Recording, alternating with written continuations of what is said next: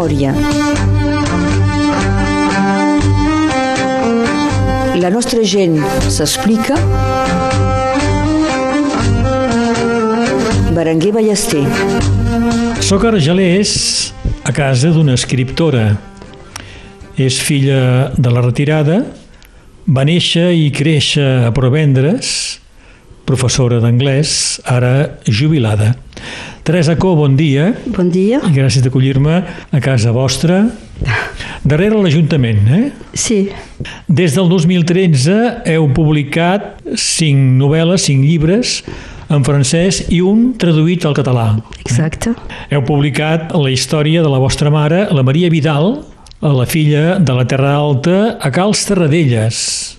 I és que la vostra mare va treballar al servei de la família del que va ser president de la Generalitat, Josep Terradelles. Va entrar al servei dels Terradelles a, a, l'edat de 17 anys. I, um, Això ja a Barcelona. a Barcelona. I després els va seguir a Cervelló quan es van fer construir una, una vila Cervelló és el poble de al Terradelles. poble natal de Tarradellas. Sí.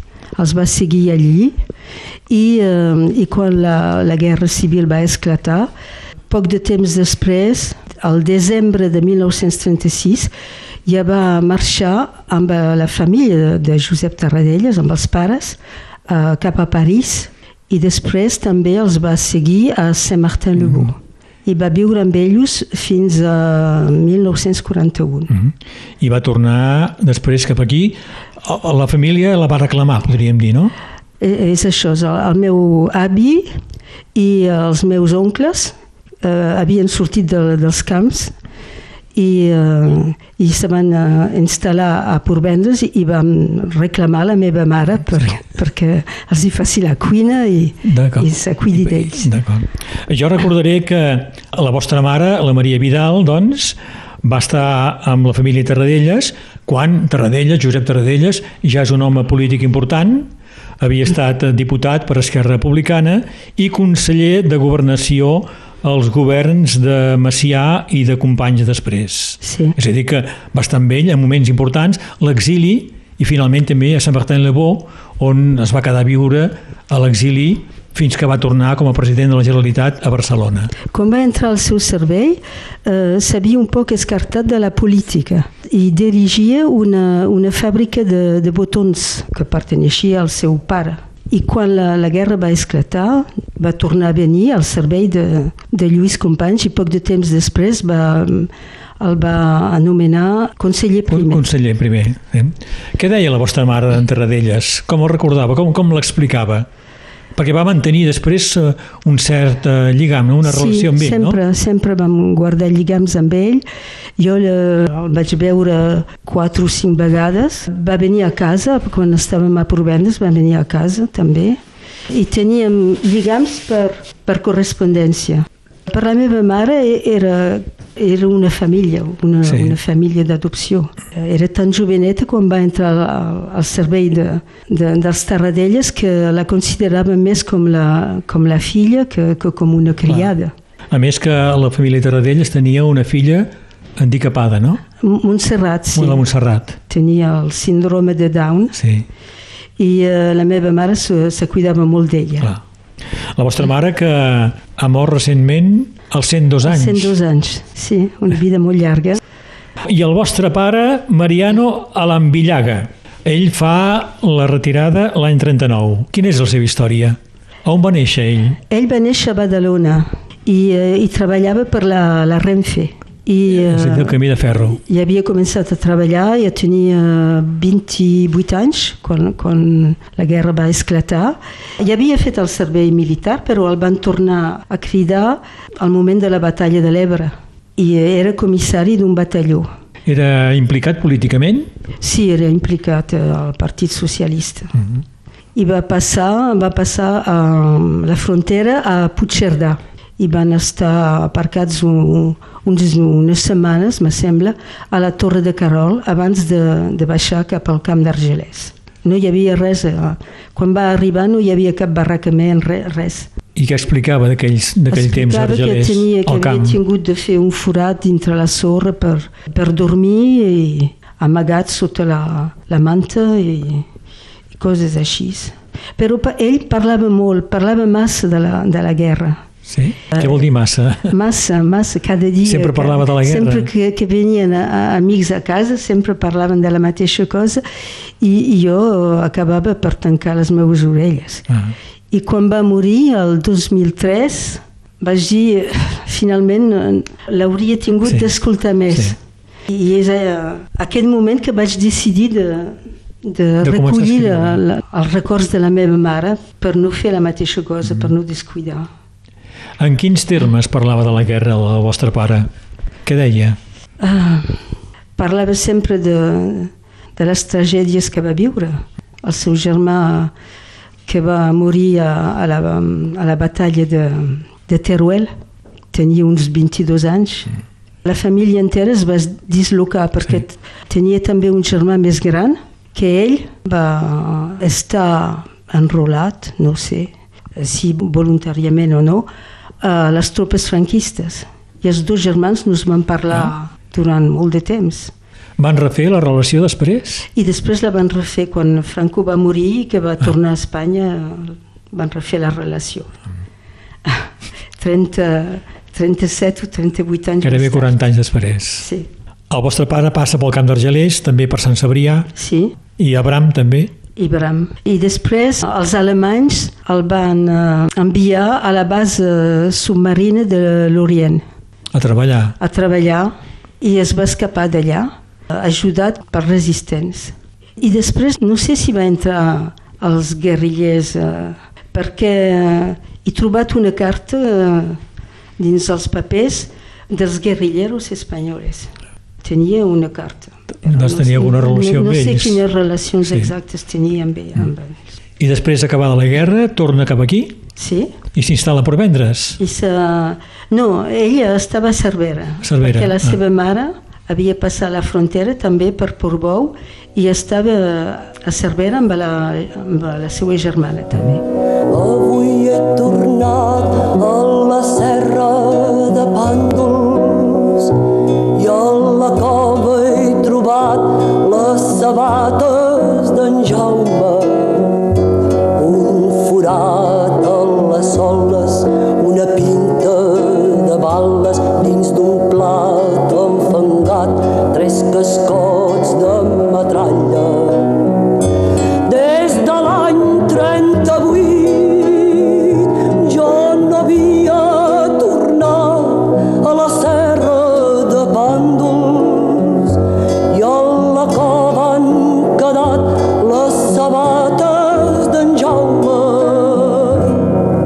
Avui faig memòria amb Teresa Cos, som a casa seu, aquí a Argelers. Molta gent us coneix com a escriptora, ja sabem que és filla de la retirada, el seu pare fa la retirada amb l'exèrcit, és comissari d'un batalló per Puigcerdà, la, Torre de Carol, passa pels camps, Argelers, Sant Cebrià, Bram. La vostra mare, ja ho heu explicat, la Maria Vidal, és de la Terra Alta, va treballar al servei de la família Terradelles, que va ser president de la Generalitat a l'exili, després el president de la Generalitat eh, restaurada. El pare i la mare es coneixen aquí, doncs.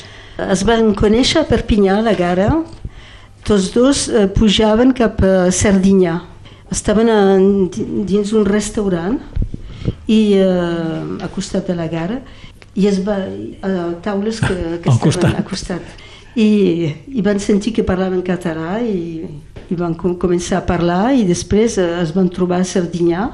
Van quedar bastant de temps allà um, fins que els alemanys van, van marxar de Porvendres. Mm -hmm. I és així que es van conèixer i que i es van casar a, a l'any 46. I vos, Teresa Co, naixiu el dia de Reis del 48 sí. a Provendres. Al carrer de la Llibertat, El número 1, al carrer de la Llibertat. Sí. al barri de la Citra. Tot un símbol. Escola i col·legi a Provendres. També. Eh? Quin record teniu d'aquells anys a Provendres? Del col·legi és una gran llibertat, perquè podíem eh, entrar i sortir com volíem. El col·legi venia de, de construir-se. Tot era nou i els professors eh, ens deixaven fer el que volíem un poc. I la vida del barri, com era en aquell moment? Era un barri, un barri cosmopolita.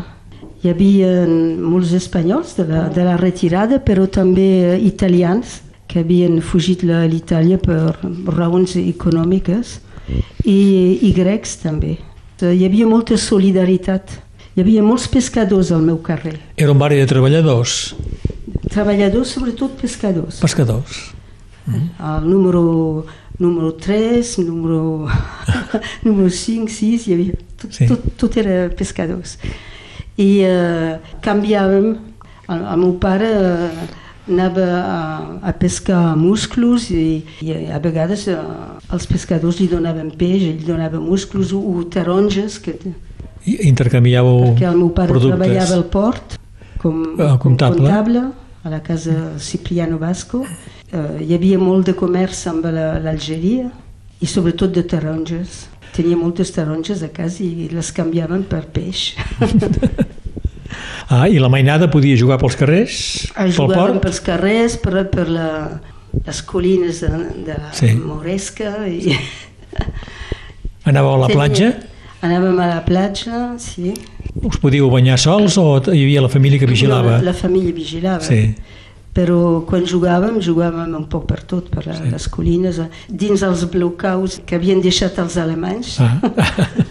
Havia de ser emocionant jugar en, aquestes construccions. Heu dit que el pare i la mare es coneixen a la gara de Perpinyà en un bar quan senten un i l'altre que parlen Sí. català, doncs entren en contacte. És dir, que el català és present a la família, doncs. El català és la meva llengua, llengua materna i eh, vaig aprendre el francès a la- a l'escola. Però mai no he estudiat el català a l'escola perquè no, no, no es feia, Perquè no es feia. en aquell temps. Sempre ha sigut una llengua oral. Solament eh, els darrers anys que he començat a llegir llibres en català, i novel·les i... Teresa Co, el vostre pare treballa doncs al port de Portvendres com a comptable, heu dit a l'empresa Cipriano Vasco, en un moment de molta activitat. Sí, molt, Portvendres era molt actiu en aquell moment, al port. molt animat, molt, Sí. molt. Hi havia, me sembla, 12 o 13 transitaris. Hi havia molts dockers que treballaven i era molt animat. Bé, sempre hi havia dos o tres uh, grossos barcos que, Sí. que estaven a, al port, uh, el Mansour, el Gezair.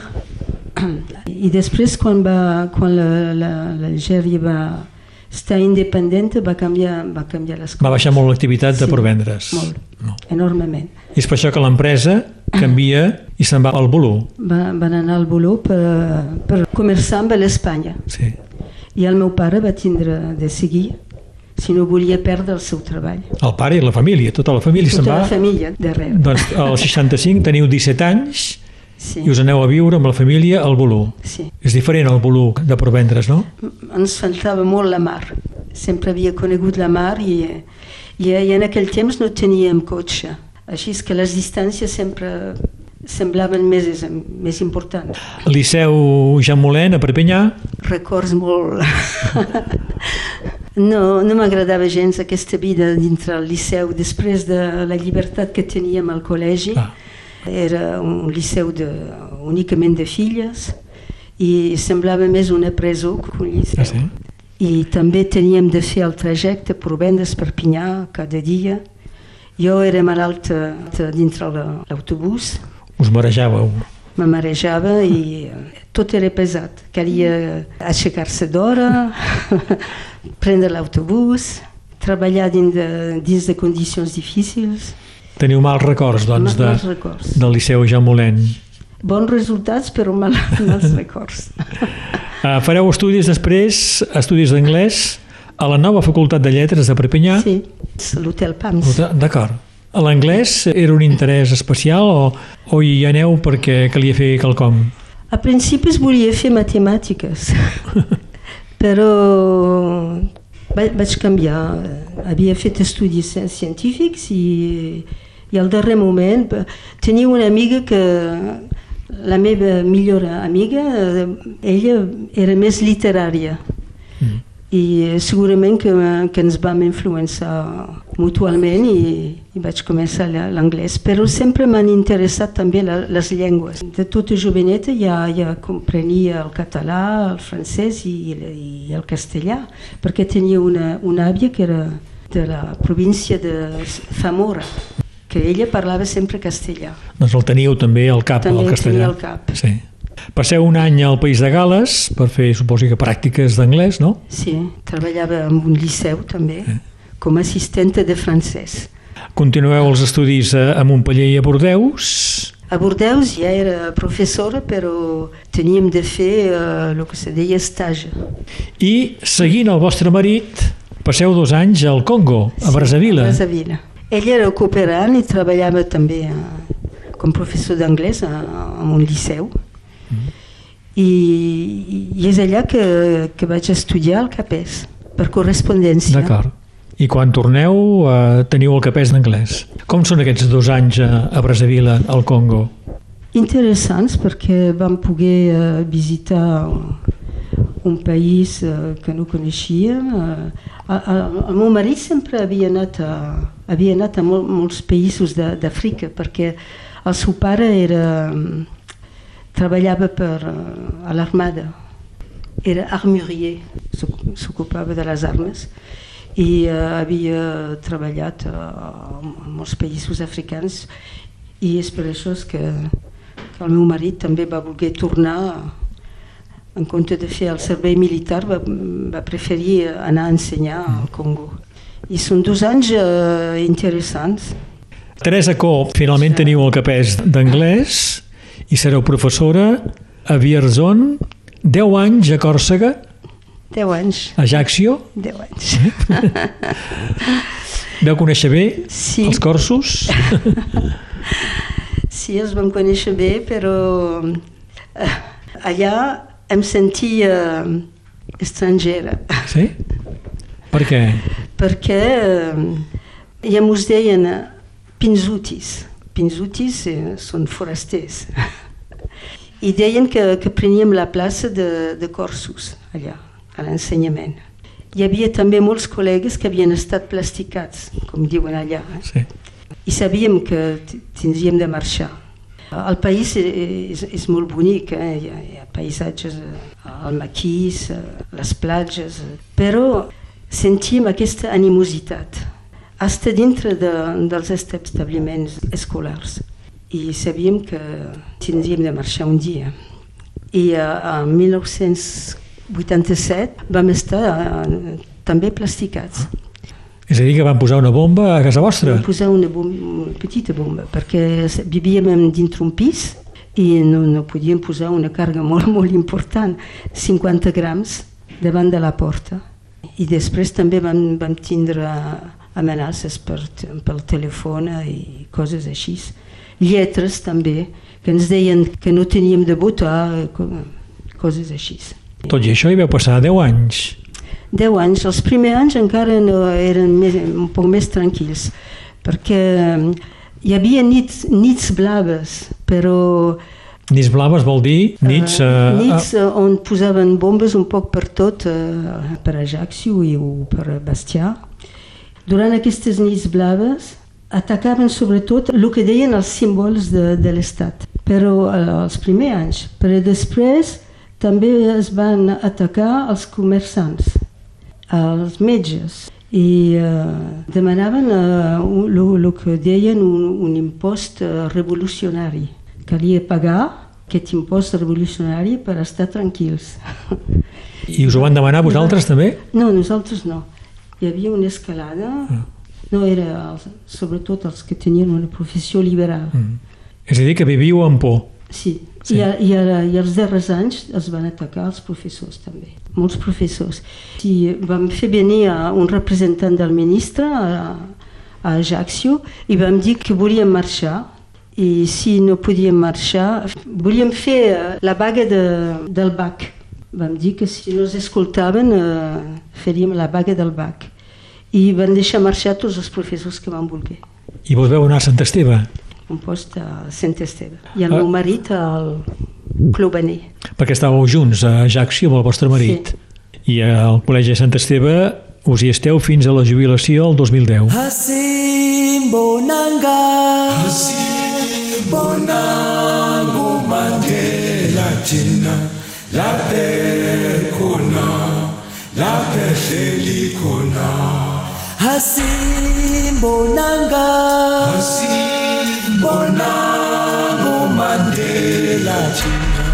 La qu'on la l'appel celui. Oh, the sea.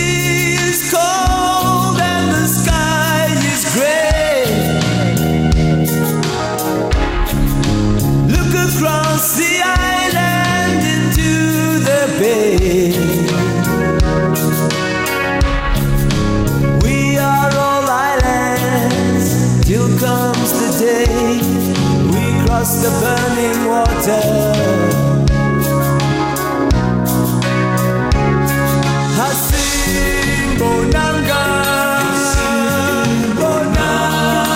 Mandela Laphe kuna Memòria a Ràdio Arrels amb Berenguer Ballester. Avui faig memòria amb Teresa Co, som a casa seu aquí a Argelers. Ja sabem moltes coses, moltes coses d'ella. A la introducció, la primera cosa que he dit és que sou escriptora. Teresa Co és un nom que compta en el terreny literari eh, nord-català. Comenceu a publicar tard, vos, un cop jubilada, no? Sí, perquè no tenia temps, quan, quan treballava a Sant Esteve, tenia de fer molts trajectes també, Sí. que eren, sobretot el, els darrers temps, era molt complicat. Comenceu a publicar tard, un cop jubilada, publiqueu, però les ganes d'escriure Comencen abans, suposi, no? Ja, sí, sí, ja estaven abans. I també havia començat a, a traduir dos llibres de- d'anglès a- en francès. I és això que em va donar les ganes d'escriure les meves eh, novel·les. les ganes i la pràctica també de, de l'escriptura, De l'escriptura segurament. També, segurament. I també feu poemes i, i contes, no? Vaig començar per, escri per escriure poemes. Sí. sí. Es comença sempre amb un poema, no, suposi? I també publiqueu el CDDP, el Centre de Documentació Pedagògica, un llibre, de fet en publiqueu no, hi ha dos llibres, un no va poder sortir i l'altre eh, Passejades eh, al País Català. Qui, Sí. què és aquest llibre? Ho vam fer amb els alumnes perquè eh, hi havia un, uh, un curs que es deia Parcours diversifié. Els alumnes podien fer uh, coses molt variades. I vaig decidir durant dos anys amb una classe de cinquième de fer conèixer el departament amb jocs. I mm, vam fer-ho amb, amb els alumnes. Cada treballaven a- en equips i cadascú eh, triava un poble i buscaven jocs que podien fer per parlar de, dels interessos d'aquest- d'aquests Ah, molt pobles. bé. Per exemple, a Colliure parlem dels pintors. Deuria ser una bona experiència per ells, aquest llibre. Sí, van aprendre Clar, molt. clar. Van aprendre molt ells. I l'altre llibre que he dit que no va poder sortir, va haver-hi un petit problema editorial, no? Un gros problema editorial perquè vaig, vaig treballar durant dos anys per fer-lo. Llibre Fem. pedagògic d'anglès. Sí, sobre el vocabulari. Ah. La casa, els vestits, eh, l'història, eh, la naturalesa, eh, 30 tot, sistemes sí. diferents i, eh, i jocs també, al mateix principi, i amb nivells diferents. Sí. I el problema va ser que van il·lustrar, el CDDP els va il·lustrar amb eh, dibuixos que pensaven que podien utilitzar lliurement i que finalment, eh, quan el llibre va estar acabat, van veure que no podien fer-lo. Perquè no eren pas lliures de, de drets d'autor. No. Teresa Co, parlem dels vostres llibres. Ja he dit que veu començar a publicar eh, un cop us veu jubilar del Col·legi de Sant Esteve. Us veu jubilar el 2010 i el 2014 Edicions Cap Bear us publica el vostre primer llibre, l'àlbum de l'exili. Sí, Un llibre sobre la història de la vostra família i sobretot la història de la vostra mare. Ja n'hem parlat, eh? Sí, una doble història. La història de la, de la família, de la meva mare particularment, i de Josep Tarradellas, el Sí. recorregut de Josep Tarradellas, perquè és un, home que, que, un home clau per la Generalitat, ja que és ell que va permetre al governament català de, de reviure a Barcelona després de la mort de, de Franco. Sí. Es va restaurar la Generalitat eh, fent venir Josep Tarradellas, que era el president a l'exili. Sí. Ell sempre, la, la seva idea sempre era de restaurar la Generalitat. Sí. Ell, li havien proposat de, de fer partit de, del govern espanyol, però ell no, no volia, volia... La seva idea era això. Va anar per, per tots els països americans del sud, va, va anar a estar a, a l'ONU per parlar de, la, de, dels catalans i del país català i Ell va mantenir durant molts anys a la presidència de la Generalitat a l'exili a Sant Martin-le-Beau. Des de 1954. Sí. I eh, havia rebut allà a Saint-Martin-le-Beau eh, homes polítics i, Sí. i sempre venia també a Perpinyà i quan venia a Perpinyà veia eh, homes polítics de, de Catalunya. Sí, que de venien a Catalunya trobar-se, Sud. a reunir-se aquí. Sí, Sí. es reunien aquí. I sempre quan venia ens invitava al restaurant o, o a venir... o- Un, un dia també ens va convidar a, a anar a veure Charles Trenet a, a Ah, sí? Colliure, quan, a, la, a les arenes de Colliure, quan va cantar. Molt bé. A aquest llibre hi ha una traducció al català. Sí, això és, eh, era molt important per jo perquè tinc encara molta família a, a Catalunya Sud i volia que poguessin llegir eh, Clar. aquest llibre. La filla de la Terra Alta a Cals Terradelles. La filla de la Terra Alta és la vostra mare, que va servir durant molts anys a la família Terradelles. Aquest llibre el publiqueu el 2014 i l'any següent, el 2015, segona novel·la, Cent de glaça o racú. Aquí ja trobem més intriga. Eh? Sí, comenci uh, una, una sèrie de novel·les policíaques. I Hi ha l'Esteve, el pescaire, és un pescaire, Pe- però és un, és un home un poc especial, perquè eh, és pescaire uh, a 1983, és uh, el moment de l'acció, però també havia treballat a Perpinyà dins, dins una, una llibreria era un autodidacte, havia, llegit molt, mol, molts llibres. és un personatge copiat de- d'algun personatge real No, no, o és totalment inventat? tot imaginat. D'acord. Sí. M'agrada mesclar la, la, la ficció i la realitat. Sí. Els personatges fictius estan a costat de, dels personatges uh, reals. Situeu la primera intriga al RAC1 i no és pas gratuït, això. No, no és I és que el gratuït. coneixiu bé. El Teniu una casa al RAC1. Tinc, tinc una casa, una casa en, primer, en primera línia i eh, la vam comprar en 1996 i en 1997 va haver una, una tempesta enorme amb onades que van passar per damunt de la taulada, la terrassa que va estar emportada per la mar, com d'altres. molt- Vam ser diversos a, a tenir les terrasses emportades. I, eh, i també vaig aprendre que hi havia dues cases que havien estat emportades a 1982, dues cases enteres. És per això que l'acció se situa a 1983, perquè volia parlar d'aquestes cases que havien estat emportades.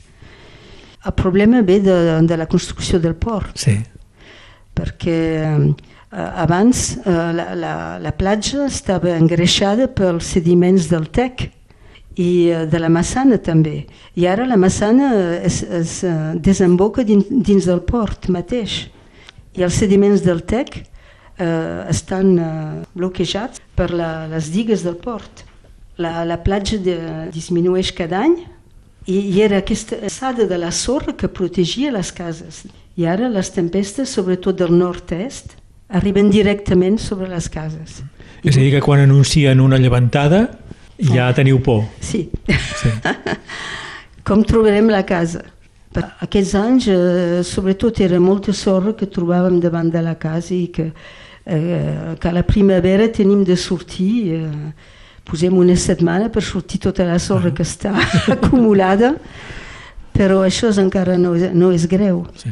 Però el primer any les onades van entrar i vam tindre de canviar molta cosa, sí. mol, molts aparatos eh, la, elèctrics.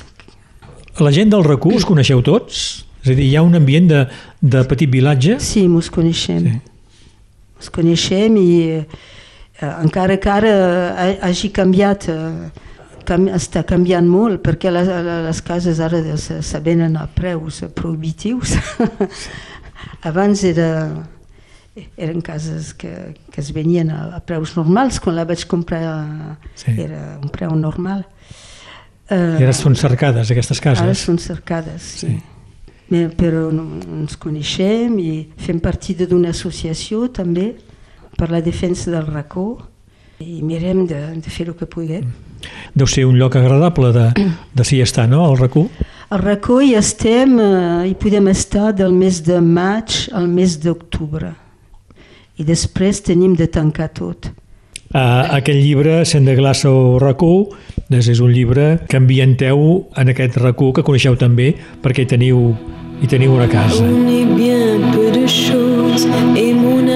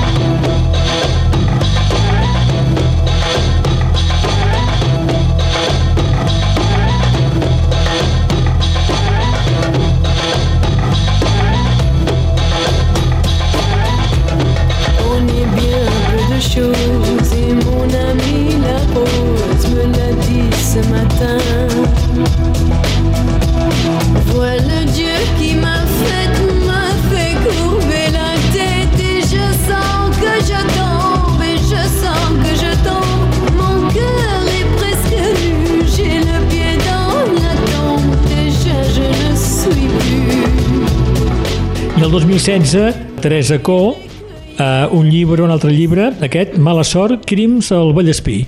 Sí. Una Aquest altra novel·la policíaca. Sí, però eh, aquest eh, és, és diferent. Eh, és un gendarme, que és el principal personatge, un gendarme de Bretanya, per tenir un ull diferent sobre les tradicions locals. Una mirada exterior, doncs. Una mirada exterior sobre les tradicions locals. Volia parlar de, del mode de, de viure de- d'aquesta gent que viuen a la muntanya i que, que és un poc particular. I és una, un article de, de l'Independent que, que me va fer tenir ganes d'escriure aquest llibre. Un article sobre què? Era, era un article que em va indignar. I volia... Era un, una manera de, de restablir la, la justícia per, per la, la víctima de- d'aquest acte. I per què us interessa la novel·la policíaca? Com, com comença això? Hi ha un interès ja per aquestes històries? Sí, sempre m'he interessat a molts, molts tipus de, de literatura, però la, les novel·les policiaques m'a- m'agraden també molt. Havia llegit tot Agatha Christie, per, per exemple.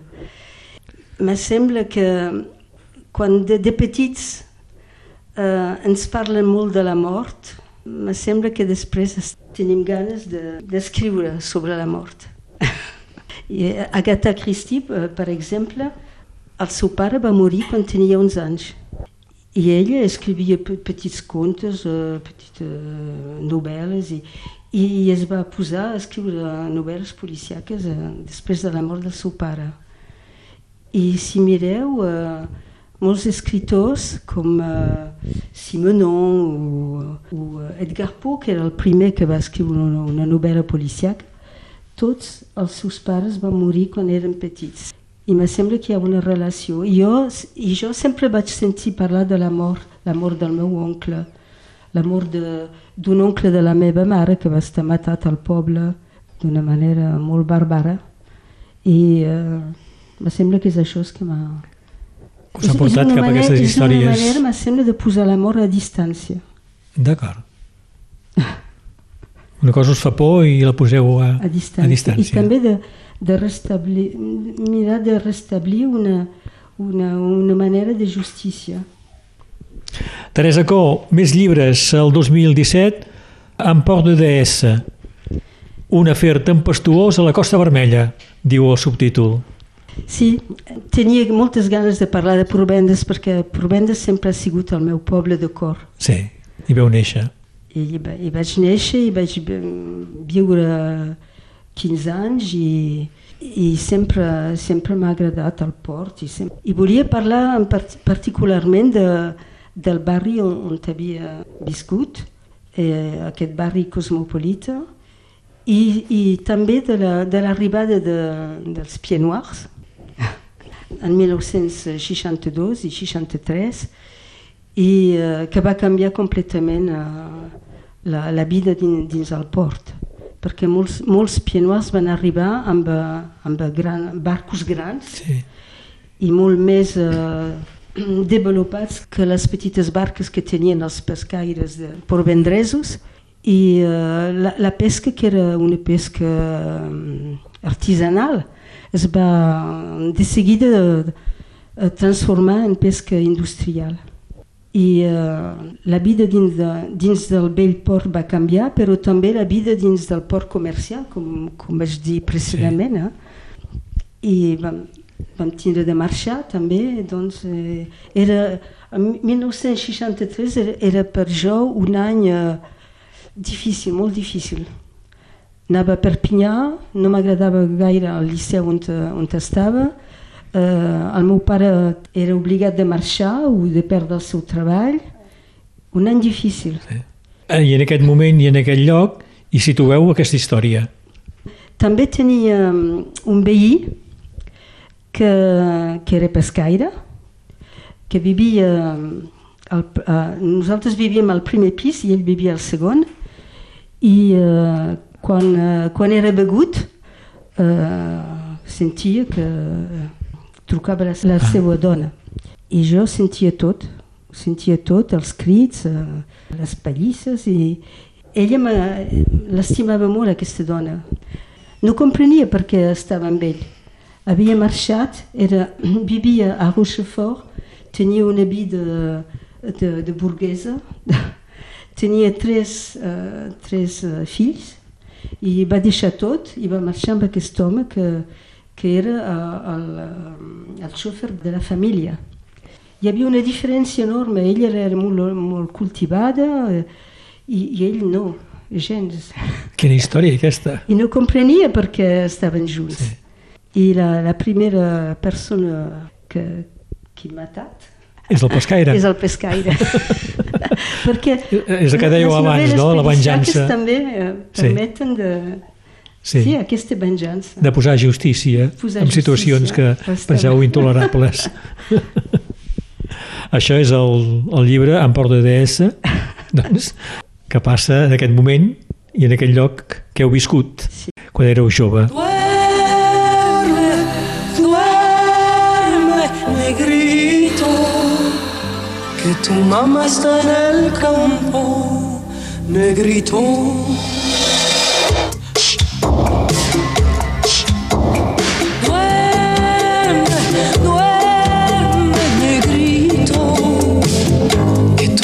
Tu mamá está en el campo, negrito. Te va a traer codorniz para ti. Te va a traer rica fruta para ti. Te va a traer carne de cerdo para ti. Te va a traer muchas cosas para ti. Y si el negro no se duerme,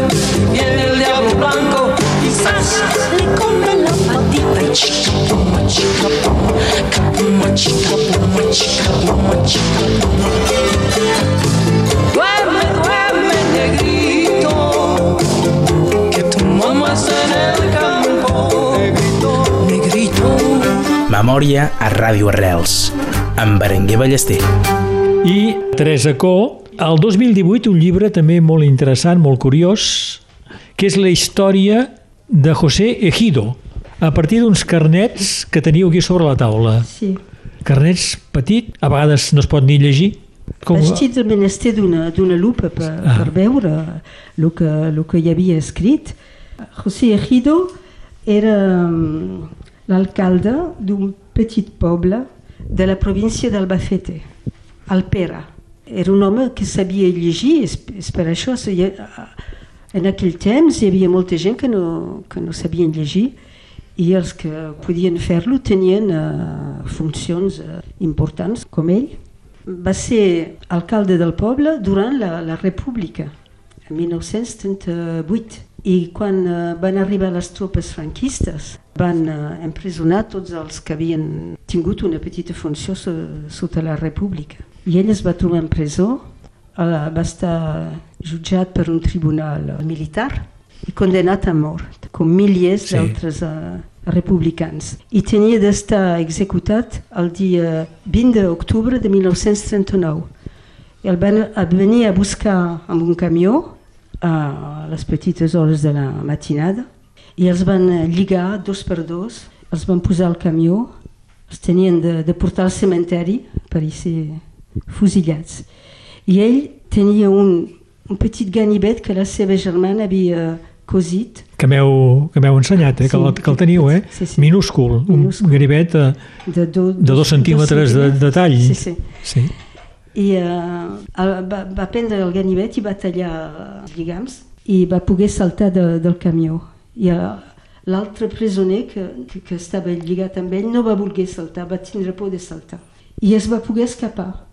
Coneixia uh, els llocs i, i es va amagar, es va amagar uh, uh, prop del cementeri i va sentir els seus, tots els seus companys de, de presó que, afusellats.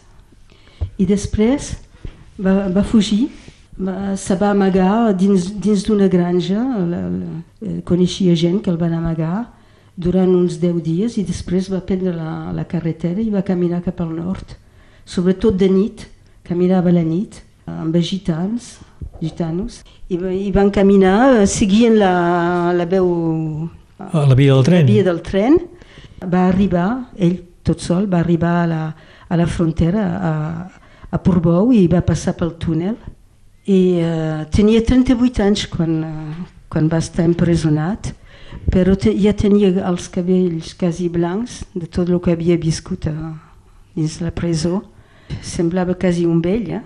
I es va amagar a Torrelles, a, cada, a casa de cosins, durant unes setmanes i després eh, va treballar eh, clandestinament dins les vinyes de, i els camps de la Salanca.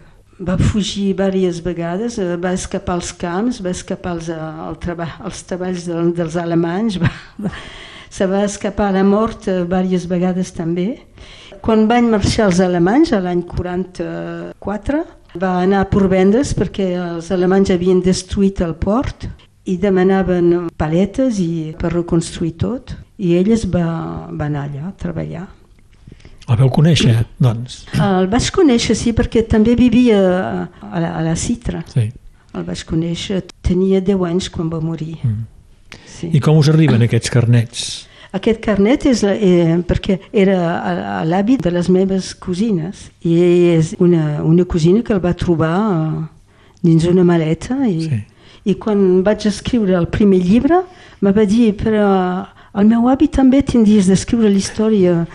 Eh, però en, encara no havien trobat el carnet.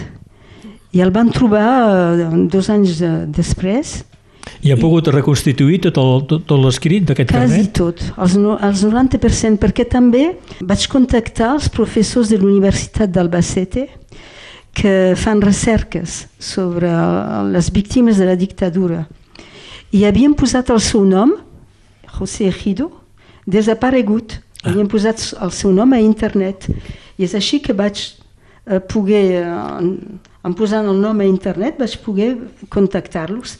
Hi havia una adreça mail, els vaig contactar i eh, els hi vaig dir quin era el meu projecte i em van enviar fotocòpies, eh, una quinzena de pàgines del procés, del procés d'aquest home, així que vaig poder reconstituir quasi tot. Sí. I si vaig contar aquesta història és, és també per parlar de lo que va passar a Espanya eh, amb els republicans que es van quedar al país. Perquè per jo me sembla que van patir encara més que els que van fugir. Mm -hmm. els, que, els que van fugir van passar uns anys molt difícils, però després van estar integrats a poc a poc. I, eh, I els altres, els que van quedar al país, van tindre de viure sota una dictadura.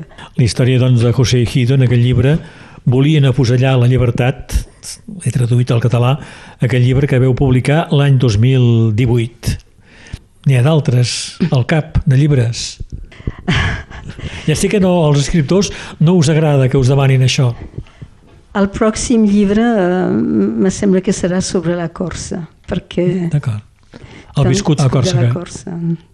Ja ho heu explicat en aquesta memòria. Sí. 10 anys, eh? Treballant a, Deu amb el vostre marit i- a, a Ajaccio. i moltes coses a contar de, Sí. lo, que, de lo que es va passar allà i que, que aquí al continent, eh, com, perquè parlen de la França, diuen al continent, aquí al continent no, no parlaven gaire de lo que es passava realment a, a Corsa.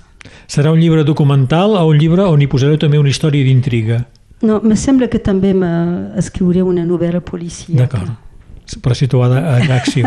Sí, per prendre també una distància. Sí. Us han marcat aquests 10 anys a Còrsega? eh? Sí, molt. derrière des barreaux pour quelques mots qu'il pensait si fort. Dehors, dehors il fait chaud, milliers d'oiseaux s'envolent sans effort. Mais quel quel est ce pays où frappe la nuit la loi du plus fort? Diego, libre dans sa tête, derrière sa fenêtre, s'endort peut-être. Arribem ja a la fi d'aquesta memòria amb Teresa Co, músiques per acompanyar l'emissió. Mm. Li he demanat i m'ha fet una llista de cinc músiques. Comença amb el paisatge de l'Ebre de Teresa Rebull. Sí, perquè bon, l'Ebre l'Ebre és, a, és allà que, que els meus avis vivien, a Vilalba dels Arcs, a la Terra Alta, i eh, és eh, al moment de la batalla de l'Ebre que, van tindre de, que el meu avi va tindre de fugir, i el meu oncle també. Però la meva, la meva àvia va, es va quedar al poble amb eh, la filla més petita. Ella mai eh, no, es, no, havia fet política i es pensava que no tindria problemes. I al contrari, la van eh, empresonar també, la van jutjar en un tribunal militar i la van acusar d'incitació a la rebel·lió. Això els que es van rebel·lar. Una dona que es cuidava sols dels seus fills i de, de la cuina i, i la van condenar a sis anys de presó. I els va fer? Uh, em va fer tres. Va estar alliberada, lliber, una llibertat condicional, i solament va poder passar la frontera en 1950. És dir, 11 anys després del meu avi. I encara amb, un, amb l'ajuda d'un passador, Clandestinament. doncs. clandestinament. D'acord. I, i triat també aquesta cançó Paisatge de l'Ebre perquè és una cançó que hem eh, triat, faig partida de cors de claver. Els gots tradicionals de Sant Genís Sí. fan partida de cors de claver i aquest any hem fet un espectacle eh, musical i amb projeccions també sobre, sobre la, la guerra civil, sobre la república, la guerra civil, l'exili i eh, és la, una de les primeres cançons que cantem. Que canteu en aquest espectacle. Sí, Per marcar els 80 anys de la retirada, sobretot. sí, No es va fer? també, Sí. també. Doncs canteu amb els goig de Sant Genís. Canto en dos corals, la, la, la coral catalana, que això és per la promoció de, del català, eh? i eh, una coral gospel aquí a Argelès també. Molt bé. Doncs Paisatge de l'Ebre amb Teresa Rebull. I després el Duerme Negrito. Duerme Negrito eh, és per la meva àvia que era, que era castellana, que- una cançó de Bressola, Duerme Negrito, però també parla de la condició de, la, de les dones en Amèrica de, del Sud. I eh, la, la versió de, de Safo i Jairo eh, trobo que és molt emocionant. I després Johnny Clegg amb la cèlebre Simbonanga. A Simbonanga és una cançó que vam, que vam fer a, a la coral gospel també. Ah. I, i m'agrada perquè mesclen la, les llengües. Jo, jo m'agraden molt totes les llengües. I aquí eh, és l'anglès amb eh, el, el zulu també. Sí. I després una cançó amb Natasha Atlas. Mon ami la Rose, que diu que la vida és molt curta i és veritat que els anys semblen que passin molt de pressa, sobretot ara. I eh, m'agrada la, la, la cançó de, François Hardy, però m'estimo més la, la cançó de Natasha Atlas, perquè hi ha també accents orientals que es junten a, a la cançó. I per completar les músiques que m'heu triat, eh, Teresa Co, aquesta cançó de Michel Berger, Diego, Diego, aquesta pels presoners ca- catalans, perquè els actuals. els actuals presoners catalans, sí. Mm. Trobo que és molt injust que, que estiguin condenats a, a penes tan grans i quan eh, sento aquesta cançó de Diego que parla d'un presoner de- d'Amèrica del Sud eh, me sembla també que parlen per ells. Sí. Molt bé, doncs cançons, músiques que heu pogut escoltar en el muntatge d'aquesta memòria que he fet a casa seua, a casa de Teresa Co, aquí a Argelers.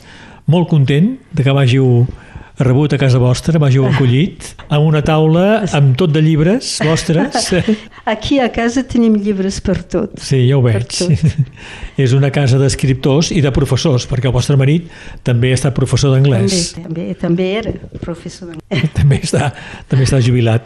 Teresa Co, gràcies per haver acceptat fer memòria per Ràdio Arrels. Gràcies i bon dia. Fou un plaer. Memòria. La nostra gent s'explica. Berenguer Ballester.